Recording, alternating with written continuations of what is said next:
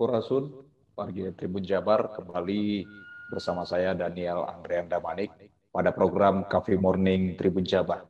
Di pagi ini tentunya eh, pada program Coffee Morning Tribun Jabar selalu menyajikan eh, topik-topik yang menarik dan narasumber-narasumber yang istimewa untuk membahas berbagai topik-topik yang ada. Di pagi ini tentunya eh, seperti program-program sebelumnya tentu akan mengusung konsep terkait dengan Road to Inspiring Woman Award, yaitu membahas tentang bagaimana peranan perempuan hebat dan perempuan-perempuan yang cerdas, khususnya di wilayah Jawa Barat ini. Uh, di pagi ini, sangat spesial pada program Coffee Morning Tribun Jabar telah terhubung bersama dengan kami, yaitu Ibu Lina Rusan, selaku uh, ibu istri dari Wakil Gubernur Jawa Barat. Selamat pagi, Ibu. Selamat pagi, Assalamualaikum. Waalaikumsalam warahmatullahi wabarakatuh. Uh, salam sehat Ibu. Ya, uh, Tribuners di pagi ini terkait dengan uh, menjelang ya Inspiring Woman Award.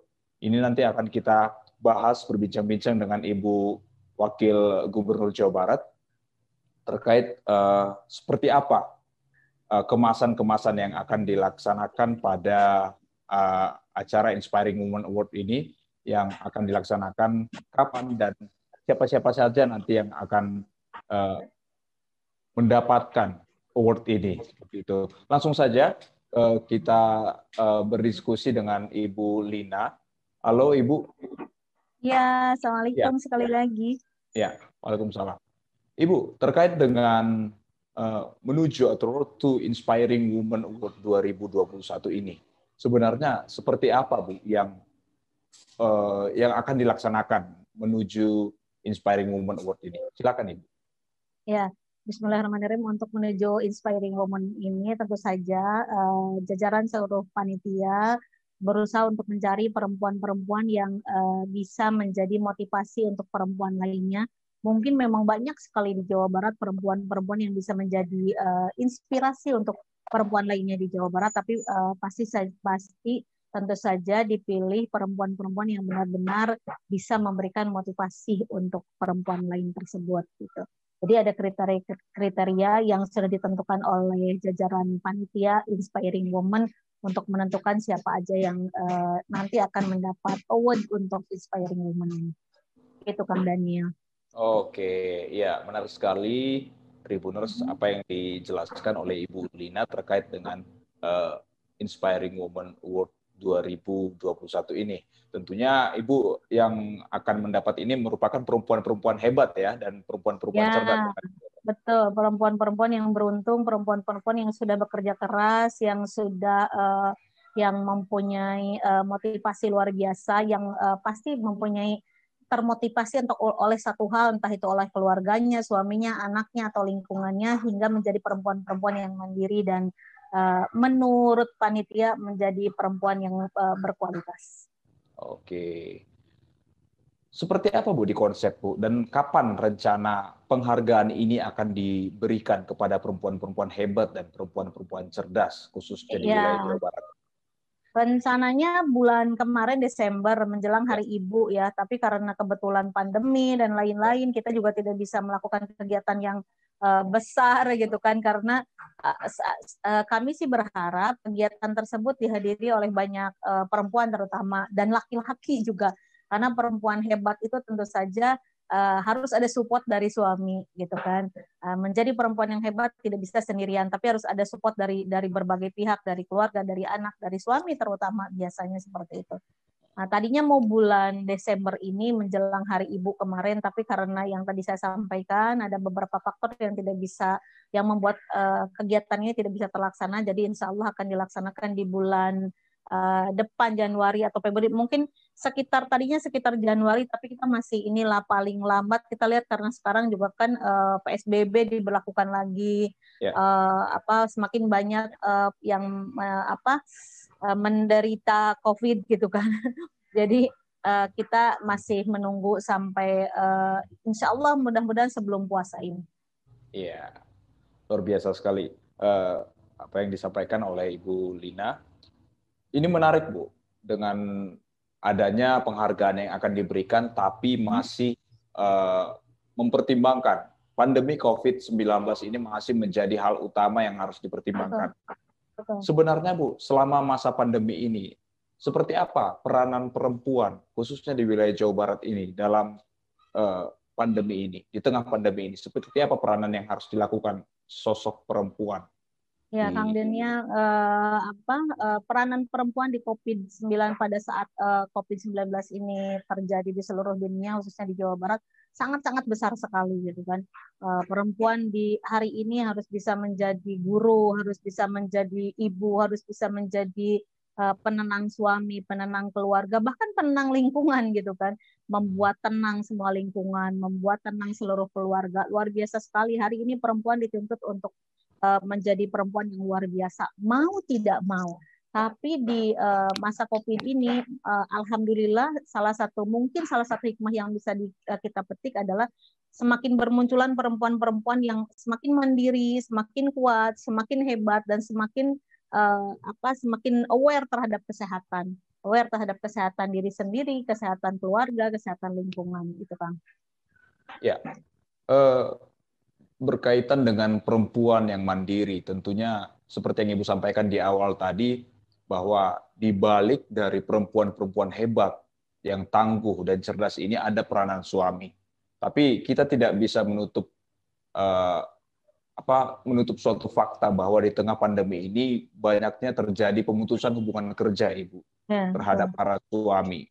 Nah, apa yang harus dilakukan istri sebagai uh, pendamping terhadap suami yang mungkin uh, diputus di PHK oleh perusahaan-perusahaannya akibat dari pandemi COVID ini? Ya, kalau menurut saya yang tadi saya sampaikan hari ini perempuan uh, dituntut untuk menjadi perempuan yang bisa menjadi penenang untuk keluarga, untuk anak-anak dan untuk suami, terutama untuk untuk suami yang suaminya kena PHK tentu saja yang pertama kali dilakukan adalah kalau kita sebagai umat Islam mungkin atau mungkin uh, dengan uh, umat yang agama lain maka yang harus dilakukan adalah kembali kepada Allah untuk kita dan kembali kepada Tuhannya dengan agamanya masing-masing. Mungkin uh, saya berbicara dalam dalam uh, konteks saya sebagai umat Islam saja gitu ya. Semua mungkin uh, seluruh umat Islam, terutama perempuan, suami dan istri gitu kan, semua harus baliknya ke Allah dan Rasulnya gitu. Bahwa semua yang terjadi hari ini adalah uh, sudah takdir Allah, ketetapan yang sudah diberikan oleh Allah kepada kita. Menguatkan iman itu yang paling pertama. Iman untuk seorang uh, istri, iman untuk seorang suami. Hari ini selain uh, ternyata di era pandemi ini uh, kehamilan meningkat 100% ya, ya seluruh Jawa Barat kehamilan meningkat hampir rata-rata hampir 100%, tapi juga perceraian juga cukup tinggi di Jawa Barat hari ini karena Covid. Karena banyak yang uh, istri perempuan-perempuan seorang istri merasa suaminya sudah tidak mampu menafkahi maka mereka meminta cerai. Menurut survei katanya, menurut survei yang saya dengar yang lebih banyak meminta cerai hari ini adalah perempuan karena merasa tidak tidak dinap, tidak uh, suaminya tidak mampu menafkahi lagi. Nah, semua harus balik lagi yang saya sampaikan. Perempuan hari ini harus menjadi penenang untuk keluarga, harus menjadi penenang untuk suami. Balik lagi ke iman seseorang. Kalau iman seseorangnya kuat, maka dia iman istrinya kuat, insya Allah dia akan membuat iman suaminya juga akan kuat. Gitu. Meskipun kadang tetap harus ada timbal balik antara suami dan istri. Bukan kadang harus ada timbal balik antara suami dan istri. Harus ada saling. Suami kuat iman istri kuat iman maka rumah tangga juga akan kuat. Kalau salah satunya mungkin tapi kalau salah satunya ada yang kuat dan ada yang tidak insya Allah mungkin yang kuat iman akan membawa e, mendorong yang kurang kuat imannya lain kalau dua-duanya nggak kuat imannya, kalau kuat dua-duanya nggak kuat imannya, maka jangan harapkan rumah tangga akan baik-baik saja. Gitu. Tidak ada yang mengarahkan Tidak ya bu. Ada. Uh, ya betul, tidak ada yang mengarahkan. Kalau dua-duanya imannya nggak kuat ya udah hancur gitu kan. Iya. Seperti itu Kang Daniel. Iya, iya. Benar sekali terkait dengan peranan perempuan di tengah pandemi ini sebagai eh, pendamping atau yang mengarahkan dari suaminya dan harus sanggup untuk uh, menerima berbagai kondisi ya ibu ya. Tuh, kalau imannya nah. kuat, insya Allah sudah ada ketetapan merasa sudah meyakini bahwa ini ketetapan Allah. Tapi bukan berarti uh, harus sabar, harus dengan sabar, harus dengan sholat. Tapi bukan berarti harus diam saja duduk manis di rumah yeah. saja kan. Uh, bisa melakukan segala hal gitu dari rumah bersama suami dan lain-lain gitu bisa dengan anak. Pokoknya uh, perempuan hari ini dituntut untuk uh, saling uh, mem, harus dituntut untuk bisa membuat nyaman suami dan anak-anak mau tidak mau untuk kondisi seperti ini. Iya, ya Ibu selain uh, membuat nyaman dari suami, tentunya hmm. harus nyaman juga untuk anak.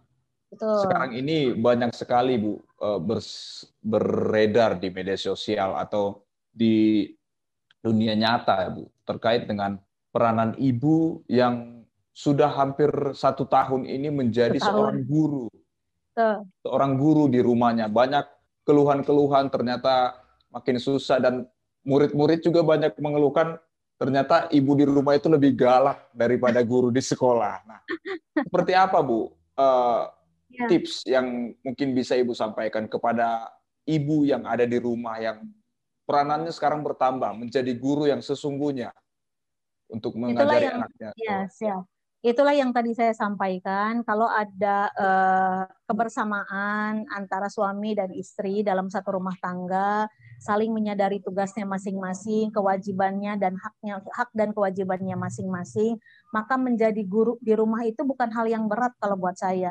Saya pikir itu bukan uh, jangan menganggap itu hal yang berat karena al-um madrasatul ula gitu kan bahwa seorang ibu itu adalah madrasah pertama untuk anak-anaknya gitu kan ya. Jadi uh, kenapa harus mengeluh gitu kan? Justru uh, di sinilah kita harus belajar, kita harus benar-benar uh, ikhlas mendampingi anak-anak kita supaya dalam satu tahun ini uh, kalau kita terus mendampingi anak-anak kita dalam dalam belajar, insya Allah tahun yang akan datang anak-anak kita akan lebih hormat, lebih patuh, lebih taat kepada kita sebagai orang tuanya. Lain kalau misalnya kita benar-benar hanya menitipkan pendidikan itu hanya kepada sekolah, kepada orang luar di luar rumah. Ketika pulang kadang-kadang anak-anak remaja, anak-anak SD itu misalnya terutama anak SD yang yang banyak dikeluhkan oleh ibu-ibu karena kalau yeah. anak SMA, SMP kan sudah sudah mulai bisa daring sendiri gitu. Nah, justru ketika anak SD itu kan biasanya lebih takut sama gurunya daripada sama orang tuanya. Yeah. An contoh anak saya, saya punya anak SD. Kalau saya bilang e, nanti kalau Dede nggak belajar, uh, Bu Guru marah loh nanti bu guru ngasih nilai jelek maka dia takut gitu kan? Tapi sekarang justru dengan keadaan ini saya malah lebih bisa mendekatkan eh, semakin dekat kepada anak dia lebih nurut ke saya gitu kan? Ah, kalau nggak belajar nanti nggak bisa kalau nggak belajar nanti begini gitu kan ya? Nah, mereka lebih lebih lebih dekat ke kita daripada mendengar lebih mendengar kita daripada mendengar orang lain. Inilah saatnya seorang perempuan itu harus bisa bisa bisa benar-benar menjadi uh, ibu yang kuat, yang penuh dengan kesabaran, bisa mengajarkan, membimbing, dan mendampingi anak-anaknya di rumah masing-masing. Ini akan jadi satu kekuatan rumah tangga yang luar biasa. Untuk membangun sebuah negara yang hebat tentu saja harus dimulai dengan uh, membina, membangun rumah tangga yang luar biasa. Iya, kan. Ibu, ini menarik terkait dengan uh, anak-anak khususnya yang masih S, tingkat SD yang masih belajar di rumah. Seperti apa, Bu, keluh keluh kesah dari seorang ibu kepada ibu selaku uh, istri wakil gubernur? Apa oh, yang menjadi keluh kesah selama ini uh, yang disampaikan? Pasti ada yang curhatan-curhatan kepada oh, seorang oh, banyak. ibu. Seperti apa, iya. Bu? Apa yang menjadi yang dominan menjadi keluhan-keluhan iya. dari para ibu? Kang Daniel, lebih banyak itu yang ngeluh, aduh kumahanya ngurus anak di rumah teh gening riwe. Karena dia biasanya siang hari mungkin anak-anak sekolah ya. Yeah. Terus uh, baru sore atau pagi mereka kumpul. Kalau sore kan udah lelah dan sebagainya. Tapi kalau nah, maaf kalau siang mungkin biasanya di sekolah gitu. Yeah. Hari ini banyak yang mengeluhkan seperti itu. Terus belum jajan anak-anak dan lain-lain. Aduh Bu, ternyata kalau di rumah itu anak-anaknya jajannya luar biasa gitu kan ada yang lewat kalau uh, kalau yang teman ada teman saya yang rumahnya ya. di perumahan kayak begitu masih di sekitar uh, Tasikmalaya. Jadi setiap ini anaknya kalau setiap uh, ada yang lewat itu tukang jualan karena nggak boleh keluar rumah akhirnya yang jualan diberhentikan, mang meseh. diberhentiin semua gitu kan. Seperti itu banyak keluhan-keluhan terus uh, berantem dengan suami berantem dengan anak. Yang tadinya anak kalau sekolah udahlah nggak ada uh, kesempatan untuk cekcok sama anak, tapi sekarang tuh anak tuh ternyata nggak nurut. Saya selalu motivasi seperti yang tadi saya sampaikan. Saatnya satu tahun ini uh, tugas kita, kita punya waktu selama hampir satu tahun ini yang sudah sudah berjalan, harusnya itu dimanfaatkan kita semakin menguatkan mengerat mengeratkan uh, seluruh keluarga dengan anak, dengan suami, dengan lingkungan gitu kan. Itu sebenarnya kalau menurut saya itu luar biasa. Yang biasanya kita berangkat, cus pagi berangkat kerja gitu kan. Tinggalin anak, tinggalin keluarga, pulang dalam keadaan lelah, ngobrol sebentar, tidur dan lain-lain. Hari ini kita full bisa ada di rumah, bercengkrama dengan anak dan uh, suami, itu luar biasa kalau menurut saya. Iya, luar biasa sekali Tribuners apa yang disampaikan oleh Ibu Lina hmm. kepada kita terkait betapa hebatnya peranan perempuan di khususnya oh, di tengah biasa. pandemi ini. Ya. Di tengah-tengah ya. keluarga, di lingkungan maupun uh, bagi sosok perempuan yang masih bekerja meskipun dari rumah hmm. harus bisa membagi waktu. Ibu, uh, saat ini uh, angka penyebaran dan penularan dari COVID-19 ini khususnya di wilayah Jawa Barat belum menunjukkan tren penurunan, selalu menaikkan selalu naik. Sebenarnya seperti apa Bu peranan seorang ibu, peranan seorang perempuan terhadap upaya untuk menekan penyebaran ini? Apa yang harus dilakukan? Peranan uh, seorang ibu, seorang perempuan uh, dalam meminimalisir uh, penyebaran COVID ini juga sangat luar biasa ya, sangat menentukan, cukup menentukan bagaimana uh, COVID ini bisa diminimalisir karena yang tadi saya sampaikan seharusnya selama satu tahun ini ya selama satu tahun uh, ibu ini uh, ngurus anak dan suami harusnya semakin semakin meningkatkan kepedulian semakin bisa ngerem anak dan suami untuk semakin ya. semakin jaga diri untuk menerapkan 3M untuk uh, uh, prokesnya benar-benar dijalankan gitu kan. Uh, ini luar biasa sekali karena yang tadi saya sampaikan uh, anak saya saja. Kalau misalnya keluar rumah kan kadang beda ketika disuruh sama bapaknya. Kalau baru pakai masker uh, kan main uh, bukan ketika bapaknya ada biasanya begitu. Bapaknya berangkat jadi udah nguler ke belakang untuk cari jalan keluar. Tapi kalau emaknya yang ada di rumah terus uh, tahu banget kan hafal banget karakter ya. anak jadi kadang-kadang kalau uh, apa ngelihat gelagat anak seperti itu emaknya udah eh awas hati-hati nggak boleh begini nggak boleh begitu gitu kan untuk terkait meminimalisir uh, COVID ini. Maka peranan seorang ibu dalam meminimalisir uh, penyebaran COVID ini tentu saja dituntut untuk semakin peduli terhadap anak terhadap uh, diri sendiri terhadap suami. Kalau pulang suami pulang kerja itu uh, saya aja misalnya kalau bapak pulang dari Bandung atau dari mana, saya bilang nggak boleh duduk dulu, nggak boleh ngasok dulu, yeah. Tapi yeah. harus langsung ke kamar mandi ganti baju mandi baru bercengkrama dengan kami seperti itu. Jadi kalau memang diterapkan seperti itu terus di setiap rumah, saya yakin COVID-19 ini akan semakin uh, terminimalisir gitu kalau perempuan semua perempuannya bisa melakukan itu. Iya, luar biasa sekali. Artinya Pak Wakil Gubernur juga harus patuh kepada ibu ya. Iya, harus patuh kepada ibu. Ya, itu menarik Gubernur. Terkait dengan uh, Badan Nasional Penanggulangan Bencana BNPB hmm. memberikan tagline ibu. Ingat pesan ibu. Nah, hmm. bagaimana ibu menanggapi dengan tagline itu, Bu? Artinya, apakah peranan ibu ini memang sangat-sangat sangat-sangat dipentingkan dengan adanya tagline ingat pesan ibu itu? Iya, mungkin meng, uh, mengurut yang tadi saya sampaikan ya. gitu kan. Uh, anak-anak bisa harus nurut sama se, sama ibunya masing-masing di rumah gitu kan. Memang kalau yang tadi saya sampaikan juga kalau ke bapak itu biasanya nurut takut tapi kalau ke ibu nurutnya itu lebih nurut karena uh, dia tahu bahwa ibunya melarang, ibunya melakukan satu hal itu karena sayang terhadap anak-anaknya. Meskipun kadang-kadang uh, apa uh, anak-anak juga sering juga anak-anak nurut ke bapaknya juga tapi biasanya yang saya rasa anak-anak lebih nurut ke ibu itu karena pendekatan seorang ibu terhadap anak-anak itu luar biasa.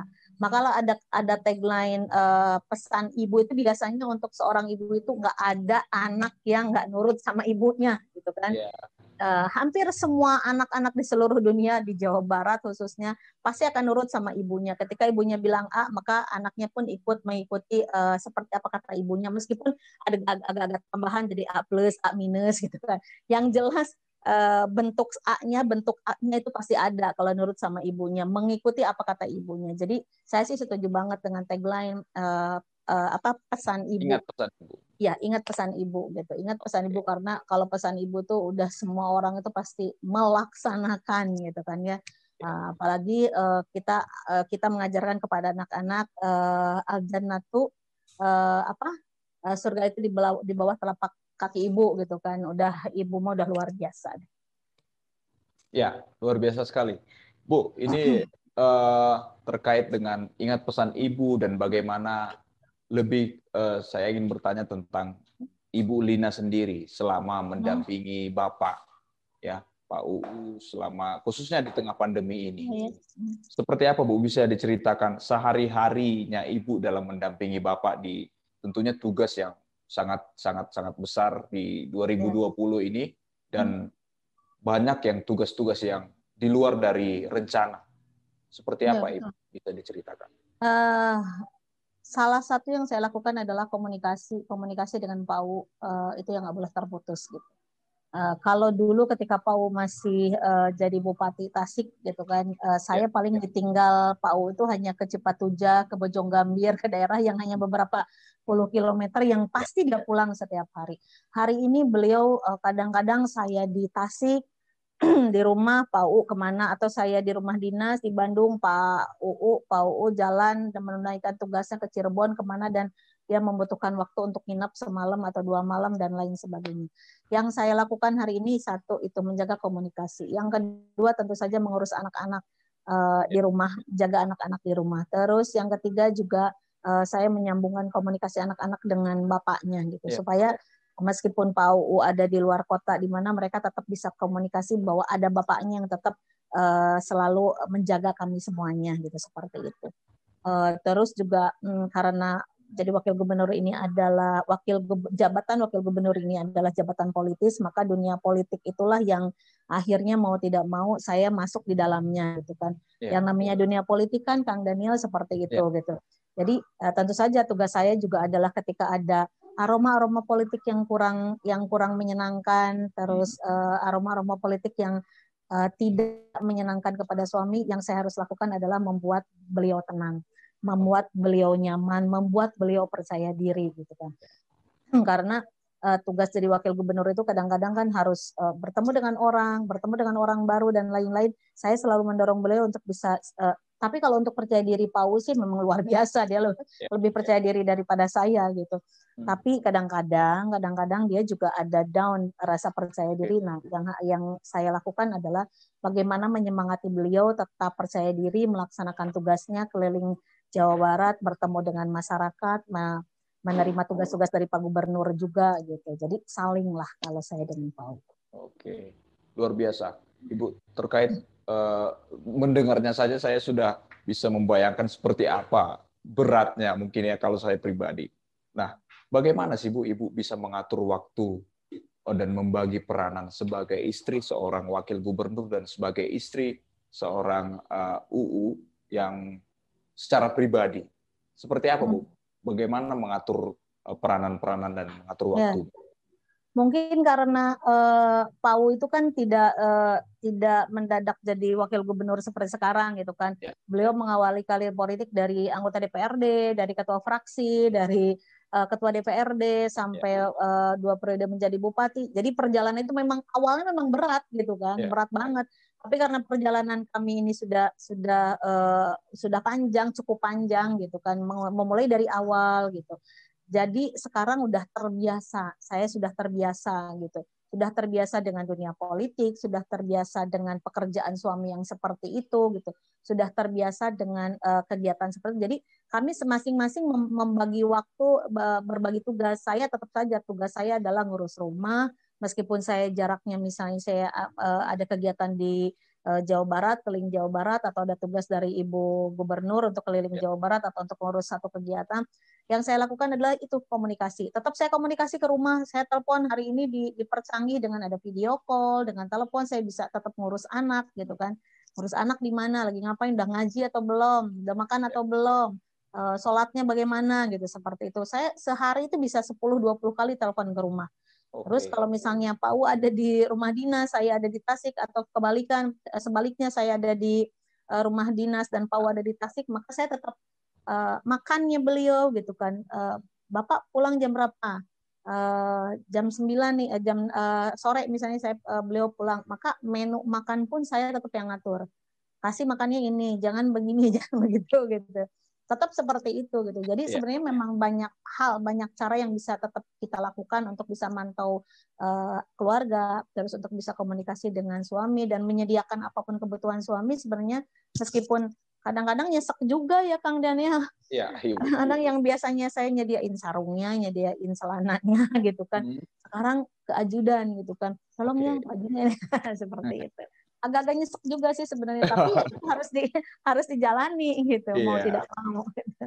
Artinya bawel untuk kebaikan Pak Wakil Gubernur ya, oh, ya, ya? harus, harus, itu harus bawel meskipun kadang Ya, meskipun meskipun sekarang bawelnya bukan ke Pak UU gitu kan, iya. bawelnya ke ajudannya gitu. Tolong bawa ini ya, tolong bawa ini gitu. Obatnya misalnya ada vitamin yang harus diminum atau iya. obat yeah. ketika dia sakit dan lain-lain. Kain sarung nggak boleh ketinggalan misalnya. Yeah. Pecinya yang warna begini-begini, nah tetap saya ngatur. Oke, luar biasa sekali Bu Lina eh, perhatian dan kasih sayang kepada untuk uh, Bapak Wakil Gubernur Jawa Barat. Ibu, tadi kan Ibu mengatakan bahwa di posisi Pak UU saat ini sebagai uh, wakil gubernur sudah menjadi hal yang biasa dengan hmm. berjalannya ibu eh bapak sudah pernah menjadi anggota dewan pernah yeah. menjadi uh, bupati di Tasik. Nah, bagaimana dengan anak-anak bu? Apakah mereka juga sudah mulai terbiasa dengan posisi bapak sebagai wakil gubernur Jawa Barat saat ini? Apa yeah. respon dari mereka melihat kesibukan yang semakin meningkat tentunya? Uh, yang eh, anak-anak sebenarnya banyak protes sih. Tiga tiga anak saya ketiganya itu banyak protes. Mami kenapa uh, lama banget? Kayak kemarin saya ada kegiatan harus ada kegiatan ninggalin mereka dua hari atau tiga malam di Bandung atau uh, keliling karena saya misalnya ke Sukabumi ke uh, Bekasi. Kalau pulang ke Tasik kejauhan maka saya mau tidak mau tinggal di uh, rumah dinas. Karena anak-anak masih di sini masih di di Tasik gitu kan. Anak-anak masih tinggal di Tasik dan mereka nggak mau uh, keluar dari Tasik gitu. Dan saya pun merasa lebih nyaman anak-anak ada di sini gitu. Anak-anak ada, iya. ada di Tasik karena lingkungan juga ya, alhamdulillah mendukung karena di tengah lingkungan pondok pesantren terus yeah. saya juga nyaman ada keluarga di sini gitu. Terus eh, lama-lama ya yang tadi saya sampaikan lama-lama mereka agak terbiasa juga gitu meskipun tetap protes itu tetap ada. Terutama tetap yang protes. kecil. Iya yeah. kalau saya belum pulang, "Mam, pulang." Yeah. lebih perintah kayak perintah jenderal aja pulang pulang siap bos. Pulang maaf jangan kelamaan gitu. Jadi ya saya tetap bolak balik gitu. Anak-anak alhamdulillah uh, mungkin kalau yang besar besar itu udah terbiasa ya. Kalau yang apalagi yang paling besar itu kan karena ada di pondok tinggal di pondok pesantren jadi dia nggak pulang gitu. Kadang-kadang saja pulangnya sebulan sekali gitu baru pulang. Nah yang kedua masih ada di rumah itu yang kadang-kadang protes. Yang lebih protes sih yang kecil. Kalau yang besar-besar udah nggak terlalu banyak protes. Okay. artinya semuanya alhamdulillah sudah terbiasa. Iya. Artinya jenderal dari Pak UU adalah ibu dan ibu jenderalnya adalah anak paling bungsu ah, gitu betul. Iya, iya iya iya. Betul. Kalau yang iya. kecil udah nyuruh pulang udah deh udah nggak bisa iya. berkutik oke. Okay. ada perintah-perintah. Seperti apa Bu ibu memberikan pemahaman kepada hmm. anak-anak khususnya tadi ibu ibu sampaikan uh, anak yang paling kecil yang masih hmm. sampai saat ini masih protes terhadap kesibukan-kesibukan bapak dan kesibukan-kesibukan ibu. Seperti apa ibu memahami memberikan pemahaman kepada anak? Ya, saya mencoba memberikan pemahaman semampu saya dan ya. uh, disesuaikan dengan usia anak masing-masing. Kalau anak-anak yang gede uh, memberikan pemahaman juga sesuai uh, saya usahakan sesuai dengan usianya. Yang kecil juga sama, saya usahakan memberikan pemahaman yang semampu saya memberikan pemahaman bahwa uh, kami ini mami sampai orang tua kamu ini punya punya tugas sekarang ini jadi wakil gubernur sampai kemarin bilang begini terakhir tuh bilang begini mami bisa nggak mami sama apa nggak usah jadi uh, apa nggak usah jadi gubernur dia bilang. Yeah, yeah, yeah. usah jadi gubernur ngajar aja. Ngajar apa? Ngajar ngaji aja di sini di pesantren. Yeah, yeah, jadi iya. ustad aja katanya apanya ya, seperti itu. Kenapa biar uh, nggak usah pergi-pergian katanya gitu biar di rumah aja. Sempat kemarin berapa hari yang lalu dia yang kecil tuh ngomong gitu tapi saya kasih pengertian ke anak bahwa uh, ketika uh, sebuah tugas dibebankan kepada seseorang saya bilang seperti dedek nih mami uh, uh, kasih dedek tugas. Tugasnya adalah setiap maghrib harus ngaji setiap habis subuh harus ngaji itu tugas dari mami misalnya begitu. Nah, Dede itu mau tidak mau harus menjalankan apa yang diberikan uh, tugas yang diberikan oleh mami gitu. Terus dia bilang nih, terus tugas dari tugas mami itu dari siapa? Dari Pak Gubernur. Kayak gitu. Anak zaman okay. sekarang kan nanyanya yeah. gitu ya. Ya kita jelaskan. Uh, saya berusaha untuk menjelaskan kepada anak-anak uh, saya bagaimana tugas bapaknya kenapa bapaknya jarang pulang, bagaimana juga tugas saya sebagai pendamping uh, uh, wakil gubernur gitu. Oke. Tugasnya seperti itu. Menarik sekali Tribuners bagaimana upaya dari Ibu Lina untuk meyakinkan anak-anaknya dan menjawab pertanyaan-pertanyaan kritis dari anak-anak terkait Betul. dengan kesibukan dari Bapak maupun dari Ibu. Bu, terkait dengan kesibukan-kesibukan yang sudah hmm. berlangsung, apakah di tahun 2020 ini, khususnya di tengah pandemi ini, kesibukannya meningkat secara drastis atau seperti apa Ibu? Uh, kesibukannya justru di tahun 2020 kemarin itu uh, berkurang drastis ya yang ya. biasanya uh, bertemu dengan masyarakat. Hmm. Kalau saya kan mungkin uh, kalau Bu Gubernur dengan komunitas beliau dengan tugas-tugas beliau kalau saya karena banyak orang melihat saya ini dari uh, Pak U ini dari keluarga pesantren biasanya yeah. yang undang saya itu uh, komunitas-komunitas pengajian, majelis-majelis taklim yang mengundang saya. Yeah. Di mana kalau kegiatan majelis taklim tentu saja dihadiri oleh minimal 100 orang gitu kan, okay. 100 orang, 200 orang. Nah, di masa pandemi ini kan pengajian-pengajian besar ini dikurangi kan, nggak ada. Yeah jadi tentu saja kegiatan-kegiatan yang mengundang saya untuk datang ke majelis taklim sebagian besar seperti itu berkurang untuk saya. Jadi tapi saya juga eh, tentu saja tidak mau datang ke kegiatan yang mengundang banyak orang yang nantinya nantinya malah mengundang banyak eh, apa menimbulkan banyak kekhawatiran gitu kan khawatir untuk masalah covid ini gitu jadi saya memang juga saya juga sengaja mengurangi juga. Kalau untuk kegiatan-kegiatan yang melibatkan banyak orang sengaja saya kurangi. Kecuali memang ada ada kegiatan yang memang benar-benar oh ya udah prokesnya memang sudah dijalankan dengan baik nah baru saya datang. Kalau prokesnya tidak dijalankan dengan ketat saya juga nggak berani datang gitu. Oke ya. Uh, beralih kita ke pertengahan pembicaraan kita tadi ibu terkait dengan ibu sebagai istri dari wakil gubernur Jawa Barat bahwa uh, sudah terbiasa dengan dinamika politik ya sudah terbiasa dan sudah memahami untuk hmm. mendeteksi aroma-aroma yang kurang tepat tadi. Uh, kabar-kabarnya Ibu pernah disebut-sebut sebagai uh, bakal calon bupati di Tasikmalaya. Seperti apa Bu? Yang Ibu ya. bisa tanggapin itu tentang itu? Iya mungkin karena waktu ketika Pak UU menjadi bupati di Kabupaten Tasik, menjadi ya. uh, ketua DPRD di Kabupaten Tasik gitu. Hmm saya sering mendampingi PAUU keliling ke daerah, terus yeah. saya juga sering bikin kegiatan-kegiatan di daerah.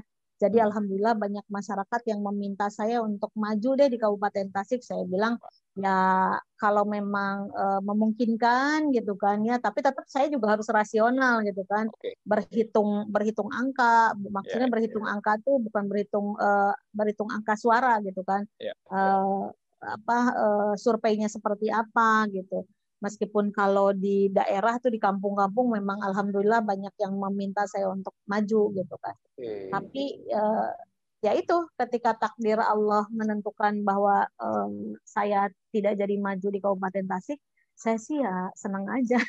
Oke. Okay. Karena ternyata kayak sekarang uh, pilkada di Kabupaten Tasik ternyata ada masalah kayak gitu. Saya, yeah. saya pikir kemarin coba kalau saya ikutan capek mungkin ya gitu nunggu dan sebagainya gitu ya itulah ketika Allah takdirkan satu ketetapan kepada seorang hambanya pasti akan dengan uh, hikmah yang luar biasa. Salah satu hikmah yang saya ambil dari saya nggak jadi maju di Kabupaten Tasik adalah saya tenang dan bahagia, okay. tidak berpikir terlalu capek gitu, seperti itu Kang Daniel. Oke, okay. itu mungkin untuk saat hmm. ini Ibu. Hmm. Uh, tentunya uh, sosok uh, Ibu Wakil Gubernur ini memiliki uh, beban terhadap uh, Kabupaten Tasik. Seperti apa, Bu? Hmm. Eh, apa ya eh, beban Ibu terhadap kondisi Kabupaten Tasikmalaya saat ini? Beban terkait dengan perubahan terkait dengan perubahan-perubahan yang yang mungkin uh, ada di benak i, uh, seorang ibu wakil gubernur saat ini. Apakah uh, seperti apa dorongan-dorongan untuk memberikan ya. inovasi di kabupaten? Ya. Sebenarnya saya juga gini, awalnya itu uh, saya tidak tidak tertarik untuk maju di Pilkada Kabupaten Tasik gitu, tapi karena banyak masyarakat, ada beberapa kepala desa, banyak ya. masyarakat yeah. yang ngeluh ke saya, Bu, kenapa ya ditinggal sama Paul ini uh, begini begini begini gitu kan, bla bla bla gitu. Saya pikir, oh iya ya, kenapa juga gitu kan, ada apa ya gitu. Itu yang saya saya bikin uh, berarti saya ini harus melakukan sesuatu gitu. Saya harus membantu masyarakat juga gitu kan Eh, karena mereka dulu begitu bergantung begitu uh, bukan bergantung ya begitu menunggu kebijakan-kebijakan PAU ketika PAU menjadi bupati dan alhamdulillah banyak masyarakat yang menyukai kebijakan-kebijakan PAU ketika ya. beliau menjadi bupati pada waktu itu gitu. Nah, ketika ada masyarakat yang mengeluh tentang uh, kondisi uh, Kabupaten Tasikmalaya kemarin, mungkin karena masa transisi ya, ya. karena masa transisi Pak Wakil yang naik ketika PAU menjadi wakil gubernur, wakil mungkin gubernur. di masa transisi itu gitu kan ya, mungkin belum belum belum sekuat ketika uh, hasil pemilihan sekarang sudah diumumkan gitu kan. Jadi masyarakat itu uh, banyak yang ngeluh ke saya, tapi mudah-mudahan dengan kemarin selesai kontes, kontestasi uh, pilkada di Kabupaten Tasik, mudah-mudahan masyarakat Kabupaten Tasik semakin terayomi, terlayani semua kebutuhannya seperti itu. Dan karena uh, Kabupaten Tasik adalah bagian dari Jawa Barat, dan Pak U masih di Jawa Barat gitu kan, masih uh, jadi wakil gubernur Jawa Barat, tidak ada salahnya saya juga tetap bisa membantu teman eh, teman-teman yang ada di Kabupaten Tas. Iya. Untuk Pak UU sendiri, Bu, seperti apa kondisi Bapak sekarang? Kondisi kesehatan, khususnya di tengah pandemi sekarang ini. Seperti Alhamdulillah. Apa Alhamdulillah beliau sehat. Beliau orang yang uh, kalau saya lihat itu Pak UU itu orang yang sangat-sangat optimis dengan kesehatan ya. beliau, gitu kan. Hmm dia sehat, dia baik-baik saja, eh, nggak uh, pernah flu pun gitu selama pandemi ini nggak pernah uh, lain dengan saya kalau saya kan debu sedikit aja udah bersin bersin oh, gitu. Lebih sensitif ya bu ya? Iya saya lebih sensitif daripada Pak U. Ada debu dari dikibasin dari apa sih namanya uh, selimut aja saya udah bersin bersin. Ah udah bersihnya udah berapa hmm. kali udah bisa sampai 10 kali bersin gitu. Yeah. Ya, uh, yeah. Kalau Pak U malah jauh lebih lebih sehat. Saya malah karena saya lebih sensitif daripada PAU, ya saya yang lebih banyak minum vitamin gitu. Vitamin-vitamin apalah saya minum, air rebusan-rebusan apa gitu diminum. Kalau PAU hanya madu saja. Madu okay. dia udah cukup. Paling juga minum madu. Pagi-pagi nyeduh uh, air uh, apa uh, panas pakai madu gitu. Air hangat pakai madu udah cukup. Dia sih nggak mau minum obat-obatan gitu. Seperti yeah, yeah.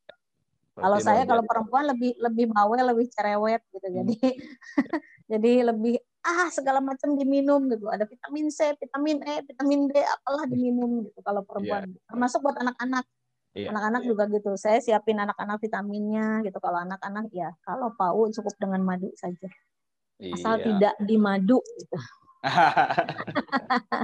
Pak UU hanya mengkonsumsi madu asalkan tidak di madu ya Bu ya. Oke. Okay uh, menarik dan uh, sangat sangat menghibur dan bisa menambah uh, imunitas dan meningkatkan imunitas kita khususnya di tengah pandemi COVID-19 ini. Ya, Ibu tidak terasa uh, perbincangan kita ini sudah lebih dari 30 menit. Nah, oh, ya. saya uh, saya ingin memintakan seperti apa Bu pesan-pesan yang bisa Ibu sampaikan kepada seluruh masyarakat Jawa Barat khususnya kepada perempuan perempuan-perempuan hebat dan perempuan-perempuan cerdas di Jawa Barat ini uh, berikan pesan motivasi khususnya di tengah pandemi ini, Ibu. Silakan, Ibu. Ya. Uh, untuk seluruh perempuan-perempuan hebat yang ada di Jawa Barat, saya uh, mari kita bersama-sama untuk menjaga iman kita uh, supaya uh, terus juga menjaga imun kita supaya kita semuanya aman, terus juga menjaga kesabaran, meningkatkan kesabaran kita, meningkatkan kreativitas kita untuk bisa membantu tadi pernah di, uh, tadi yang disinggung tentang suami yang uh, yang ada di PHK yeah. sekarang ini muncul perempuan-perempuan yang luar biasa yang menjadi tulang punggung keluarga. Dari yang tadinya nggak bisa masak bisa masak. Dari yang tadinya nggak bisa menjahit bisa menjahit.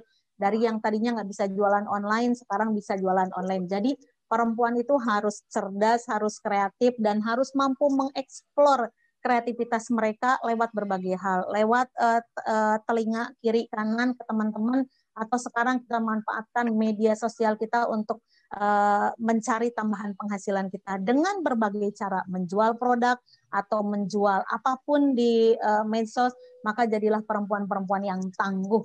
Perempuan-perempuan yang pintar perempuan-perempuan yang berkreativitas tinggi perempuan-perempuan yang solehah itu yang paling penting. Dan mampu menjaga keluarga terhindar dari semua penyakit apa pun. Itu mau covid mau apa pun.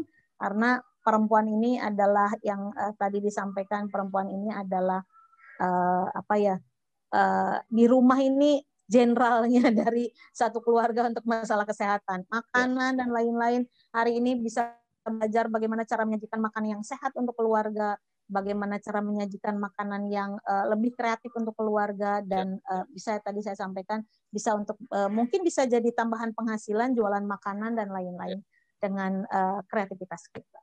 Jadi sekali oh. lagi mari kita jadi perempuan yang tangguh dan soleha. Siap. Mari kita menjadi perempuan yang tangguh dan soleha. Pesan dari Ibu Wagub Jawa Barat bahwa menjadi perempuan itu khususnya di tengah pandemi harus menjadi perempuan yang cerdas, kreatif dan uh, mau memanfaatkan media sosial untuk lebih maju lagi. Jadi uh, khususnya di tengah pandemi ini. Demikian Tribuners bincang bincang-bincang kita dari Tribun Jabar di Coffee Morning pada pagi ini tentang Road to Inspiring Woman tentang perempuan hebat dan uh, perempuan cerdas khususnya di wilayah Jawa Barat. Jangan lupa untuk tetap menerapkan protokol kesehatan, tetap Eh, menjaga jarak, selalu menggunakan masker, khususnya ingin bepergian keluar rumah, selalu mencuci tangan dan uh, tetap berdoa agar diberikan kesehatan dan kesehatan, kesehatan khususnya di tengah pandemi ini.